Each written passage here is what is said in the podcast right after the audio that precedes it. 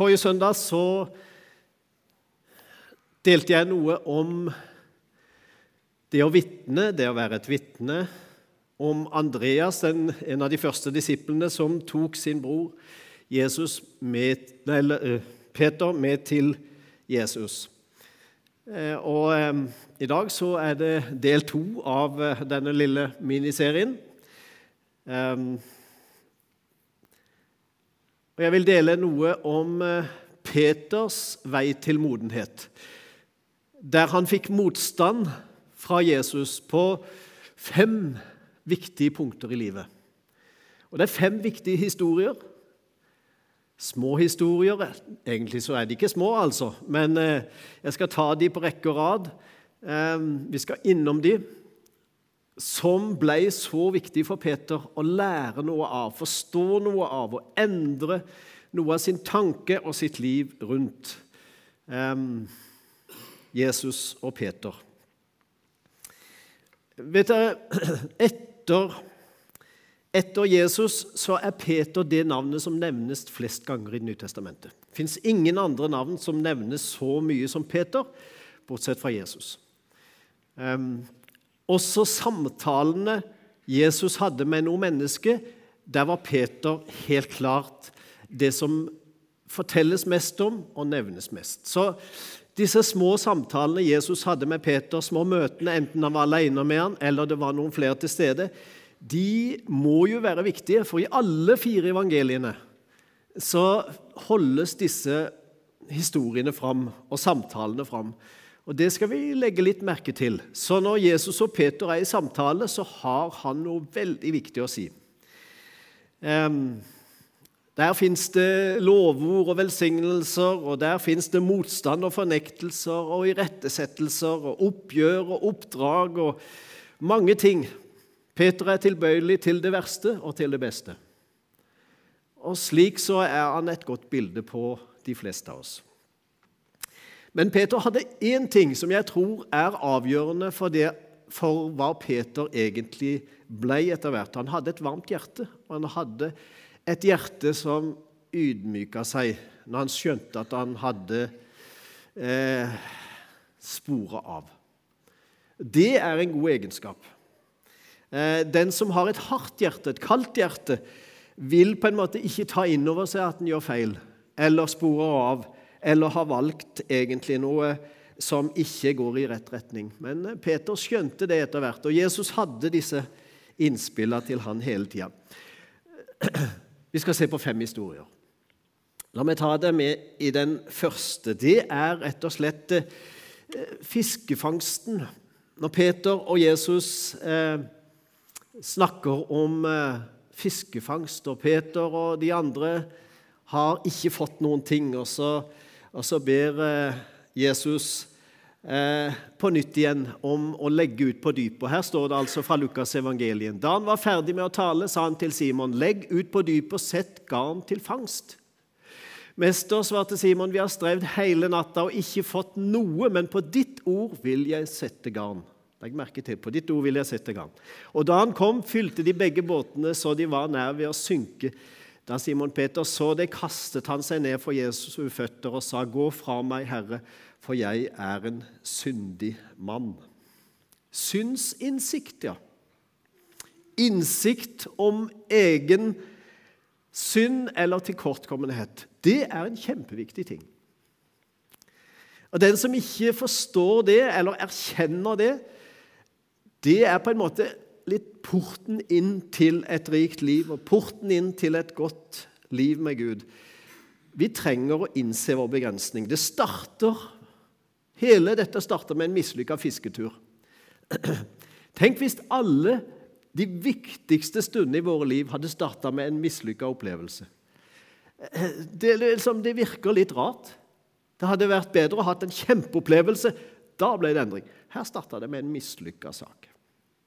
Peter, mislykka fisker. Enda han hadde holdt, med, holdt på med fisking stort sett hele livet til da.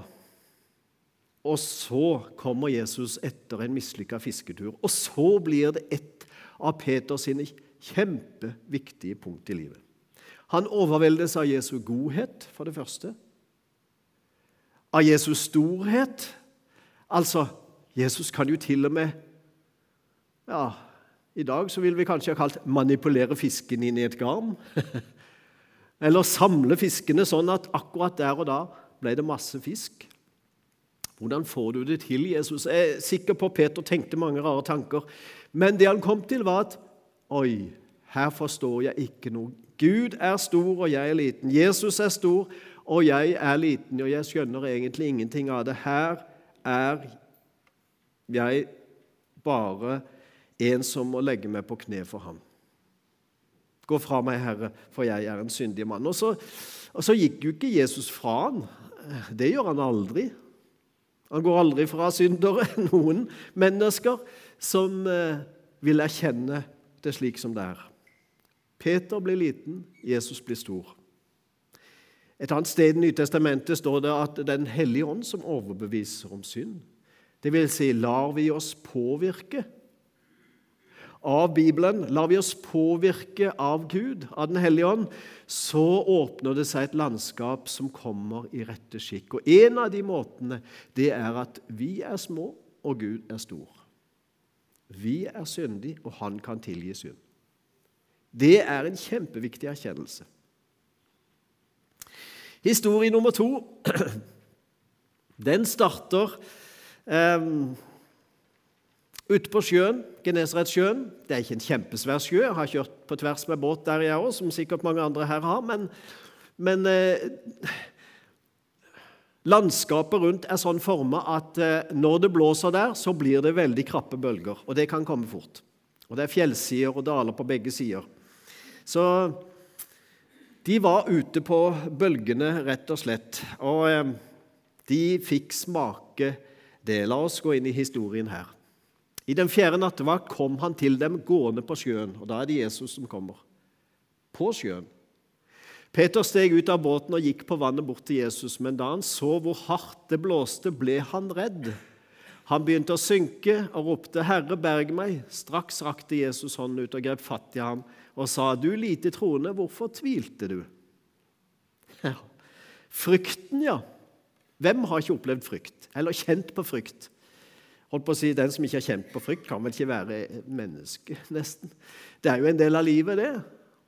Av og til så kjenner vi på en frykt som nesten tar oss, fanger oss, eller vi blir helt paralyserte. Eh, I denne historien så kommer altså Jesus gående på vannet, og bølgene går høyt. Eh, eller, det er nesten vanskelig å se det for seg, altså, men og Så roper Peter, 'Men er det det Jesus så? Be meg komme ut.' Og så hopper han over rekka. Det er jo en, si, et lite moment av galskap i det der. der. Eh, om Peter kunne svømme eller ikke, vet ikke jeg. Det kan godt være det, men allikevel. Han tenkte, 'Å, Jesus, det må jeg prøve. Det må jeg få til, sånn som du.' Ja, kom, da. Og så bærer det, vet du. Ei stund. Helt til Peters blikk går på bølgene, og han tenker 'oi, hva gjorde jeg egentlig nå?' Dette vil gå galt. Og begynte, da begynte han å synke. Når han tenkte de tankene og flytta blikket vekk fra Jesus. Frykten tar overhånd og flytter fokuset bort fra Jesus. Og hva har vi igjen da? Jo, da har vi bare omstendighetene igjen. Og hvis vi preges av omstendighetene, kun av omstendighetene, så har du og jeg av og til god, god, anledning til å frykte litt av hvert. Har vi ikke det? Det er mye som kan gå galt. Jeg kunne ha krasja på vei fra, hjem fra, til kirka i dag. Altså, Omstendighetene ligger til rette for at det kan skje ting. Og Det vet vi litt om hvis vi har levd noen år. Frykten tar overhånd hos Peter. Og Troen som han hadde et øyeblikk der Kan jeg komme til deg, Jesus? Ja, kom og han gikk. Den liksom drukner litt i bølgene. Og tvilen tar over, og bevegelsen nedover begynner. Så rekker Jesus ut handa, drar Peter opp, og så er de inne i båten. Og så spør han ja, men Peter, hva skjedde nå med deg? Hvorfor glemte du meg her i denne situasjonen og så bare på omstendighetene? Hvorfor tvilte du? Frykten, ja. Peter lærte mye av det. å holde fokus på Jesus, uansett hva omstendighetene skulle tilsi. Den tredje historien det er eh, en historie som, eh, som kanskje er den sterkeste av alle møter mellom Jesus og Peter. Jeg vil si det, for Jesus bruker voldsomt sterke ord, altså. Og Jesus har sittet ned med disiplene og hatt en samtale med disiplene, og så begynner de å snakke om hva sier folk om meg, spør Jesus disiplene. Så snakker de litt og sier ja, men hva sier dere, da? Så er Peter liksom setter beina under seg. Du er Messias, den levende Guds sønn. Det er vi sikre på. Så kommer denne samtalen. Jesus begynte å lære dem menneskesønnen må lide mye og bli forkastet av de eldste. Overpresten og de skriftlærde. Han skal bli slått i hjel, og tre dager etter skal han stå opp. Da tok Peter han til side og ga seg til å rettesette han. Men Jesus snudde seg, så på disiplene og sa strengt til Peter.: Vik bak meg, Satan. Du har ikke tanke for det som Gud vil, bare for det som mennesker vil. Oi! Det var en stjernesmell rett i panna på Peter. altså. Holdt på å si, Hvem kan reise seg etter noe sånt? Her har vi en inngrodd forståelse av motstand mot lidelse. Peter har akkurat bekjent at du er Messias. Og hans, i hodet på Peter da, hans Messias-bilde det var bare 'her går det mot seier'.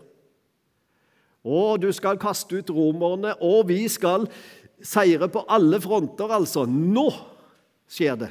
Dette blir bra. Dette går bare én vei. Og Så begynner Jesus å snakke om lidelse og død. Og det krasjer helt i Peters hode. Det går jo ikke an!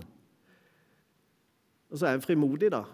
Det er ganske frimodig gjort å ta Jesus til side og irettesette Jesus, altså. Jeg tror ikke Peter gjorde det flere ganger. For han fikk, så han kjente det, altså. Og Jesus bruker sånne ord som Det er ganske tøffe ord. Høye bekjennelser kan få oss til å miste bakkekontakten. Det kan det. Når vi tenker 'nå kan ingenting gå galt', nå skal det bare gå oppover og framover. Og så kommer ydmykelsen og erkjennelsen at vi forstår jo ikke alt. Vi har ikke sett alt. Vi har ikke all innsikt. Vi har ikke som menneske mulighet til å unngå alle problemer. Og Peter blir satt på plass så det smeller. Og så sier Jesus da Vik bak meg, Satan. Det var da voldsomt. Ja, for her er en av djevelens store fristelser for den som vil fram og opp. Nå er all motstand knust. Nå kan det bare gå én vei. Jesus sier, 'Slik er det ikke'. Det er en satanisk forførelse.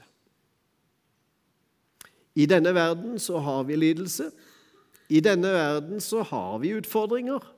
Og den som fornekter det, blir holdt på å si eh, nesten schizofren. Det vil si, han kan ikke holde sammen livet til slutt. Det vil gå fra hverandre. For alle vil møte det i en eller annen form. Og Peter lærte grundig en lekse den dagen. Aldri mer tok han Jesus til side for å rettesette ham. Han hadde noen utfordringer fortsatt. Og Vi skal se på to ting til. Men den dagen måtte Peter erkjenne en veldig viktig lekse. Peter lærte. Fjerde historie. Da er de oppe på fjellet. Jesus har tatt med seg Peter, Jakob og Johannes, de tre på en måte innerst i kretsen. Og plutselig så står altså profeten Elia Moses og Jesus der, i et lys. Og De tre disiplene de mister munn og mæle og tenker dette går jo ikke an. Dette har vi lært om i synagogen, men disse har vært døde i hundrevis av år. Og Så står de her og samtaler med Jesus, og noen har sagt det sånn Her brytes hinna mellom jord og det evige for noen øyeblikk. Eh, og det er en underlig eh, sak. Underlig opplevelse, men la oss eh, se på den. Da ble han forvandlet for øynene på dem, og se Moses og Elia viste seg for dem og snakket med han. Da tok Peter til orde og sa til Jesus, 'Herre, det er godt at vi er her.' 'Om du vil, skal jeg bygge tre hytter, en til deg, en til Moses og en til Elia.' Men Jesus gikk bort og rørte ved dem og sa, 'Reis dere og vær ikke redde.' Og da de løfta blikket, så de ingen andre enn ham, bare Jesus. Prosjektlysten. Det å Nå må vi ha et nytt prosjekt. Dette krever en ny innsats av helt andre dimensjoner. Og så får Peter den geniale tanken med tre hytter. Jeg glemmer aldri det alfakurset og den alfaviken på Underland for mange mange år siden. Der det hadde flere som hadde kommet til tro. Og ute på gårdsplassen så ble vi stående og snakke sånn utpå ettermiddagen, og så var det noen som sa jeg har egentlig ikke lyst til å reise herfra. La oss bli her. Og så var det jo litt ironisk da vi kunne se til venstre, og der lå det tre hytter allerede. Da, men det, det var liksom De var bygd. Så vi trengte ikke bygge noen flere hytter. Men det, det, er, noe med, det er noe med oss. Vi vil gjerne holde på den store åpenbaringen, holde på det store synet, holde på det veldige. Vi må ikke miste det, og så vil vi bare være der. Og så er jo ikke livet sånn heller. Vi må tilbake til relasjonen Jesus. Bare tilbake til vandringen med Han. Den kan inneholde de store opplevelsene. Den kan det. Og det er flott å oppleve det. Men de fleste timene i livet inneholder relasjonen med Jesus den normale vandringen holdt på å si, nede i dalen, og ikke høydeopplevelsene som vi kan ha en gang iblant. Så Jesus alene, som det sto i teksten der, altså, så de ingen andre enn han, bare Jesus. Det er en kjempeviktig setning.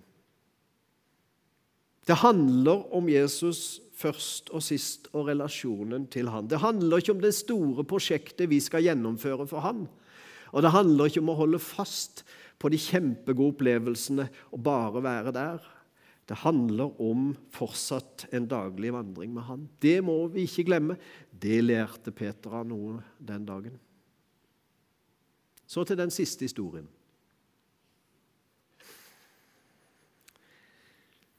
De eh,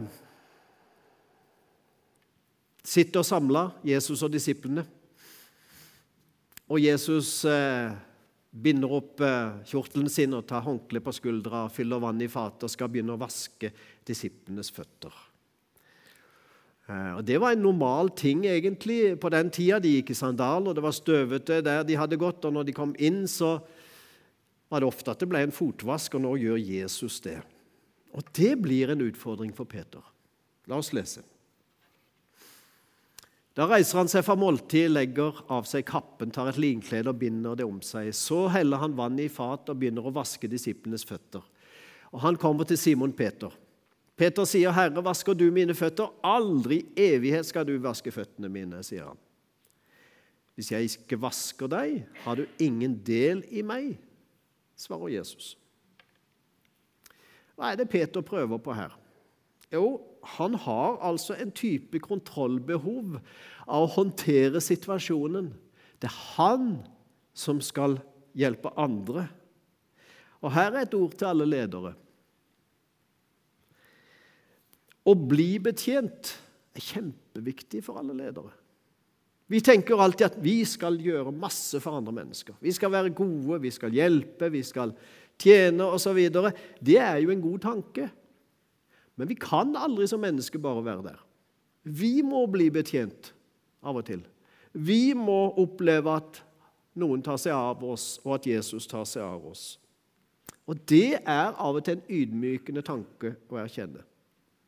Når vi bare sitter der, kanskje på sidelinja, eller må bare sette oss ned og erkjenne at nå trenger jeg hjelp. Nå trenger jeg renselse, nå trenger jeg å bli behandla for det jeg har i mitt indre, for det jeg bærer på. Nå klarer jeg ikke gjøre noe, Jesus, gjøre noe for andre før Jesus gjør noe med meg. Så alt må starte med at Jesus betjener oss. Ellers kan ikke vi betjene noen. Jeg har møtt mange nok ledere som er overansvarlige. Det vil si, de kjenner på og de utøver så mye ansvar for andre mennesker at de aldri får tid til å trekke pusten sjøl. Det er noe fantastisk med pusten, vår, er det ikke det? Det er både utpust og innpust. Det er ikke bare utpust. Da hadde vi ikke levd lenge. Vi må ha noe oksygen inn, og så bruker vi det oksygenet til hva det skal gjøre i kroppen vår, og så puster vi det ut igjen. Og Slik er, slik er disippellivet med Jesus. Det må noe inn hvis vi skal gi noe ut. Og Det er jo egentlig en god tanke. Vi kan ikke gi videre det vi ikke har fått sjøl. Prøver vi på det, så blir det noe kunstig. Så det å bli betjent kjempeviktig. Og Peter måtte lære det. Peter, du trenger å betjenes av meg nå. Og så må du bare sette deg ned. Så må ikke du slutte å mene så mye, Peter. Du må slutte å lage disse skjemaene dine, Peter. Du må slutte å tenke på alt og alle, Peter, og så må du la meg få ta hånd om deg først. Er det en god tanke for deg, eller er det en ydmykende tanke? Ja, det går litt på stoltheten vår, og samtidig så er det en kjempegod tanke for alle mennesker å tenke den at Jesus kommer til meg først, og han vil gi meg det jeg trenger. Jeg vil oppsummere disse fem hendelsene i Peters liv som hendelser der Peter ytter motstand, og han ble satt på plass. Det høres nesten ut som en skoleunge. Men Peter var jo på en måte en disippel, en lærling, der han måtte gjennom disse stadiene. For det første innsikten i eget liv. Synsinnsikten. Jeg er liten, Jesus er stor. Jeg har synd, han har tilgivelsen. For det andre frykten. Vi trenger Jesu utstrakte hånd når stormen raser rundt oss, og når vi mister fokuset. Å vende blikket tilbake til Jesus kjempeviktig. For det tredje å erkjenne lidelsen. Og ikke bare tro at nå er vi ferdig med den. En gang så skal vi bli ferdig med den. Hjemme i himmelen, ja, men ikke her. Det er en del av det å være menneske, og ikke minst en del av det å være en Jesu etterfølger. For det fjerde prosjektlysten. da. Åpenbaring, den store opplevelsen, blir noen ganger gitt oss, ja. Det skal vi takke for. Og samtidig, det er i dalen, i hverdagen, livet med Jesus leves mest. Og for det femte å bli betjent av Jesus. Vi trenger at han betjener oss før vi betjener hverandre og andre. Jeg må stadig innom sånne steder hvor bare jeg og Jesus er slik at han får gjøre det med meg. Det er ikke en eh, sånn en from tanke i det hele tatt. Det er bare et rent behov. Jeg vet ikke om du er der. Alt dette, disse fem historiene, er for Peter en bevegelse mot sentrum, mot Jesus, mot Jesus sinnelag, mot Hanses måte å kalle på, mot Hanses måte å være herre og de disipler på. Og slik har han ikke forandra på noen ting heller i dag. Fortsatt så er det disse historiene som står for at vi skal lære av dem og leve deretter. Med disse fem historiene vil jeg stoppe i dag. La oss lære av det, og la deg betjene av Jesus. Skal jeg be. Herre Jesus, takk for at du er midt iblant oss. Hjelp oss til å ta inn over oss det du har å gi til enhver tid, enten det vi må settes på plass av og til og endre både tanke og retning. Eller bare få bekrefta at ja, det er slik du er, Jesus, og det er slik du gjør, og det er slik du mener, og det er slik holdningen din er. Herre Jesus, takk for at vi kan fortsatt lære av deg og ditt ord. Hjelp oss til å gjøre det i dag. Amen.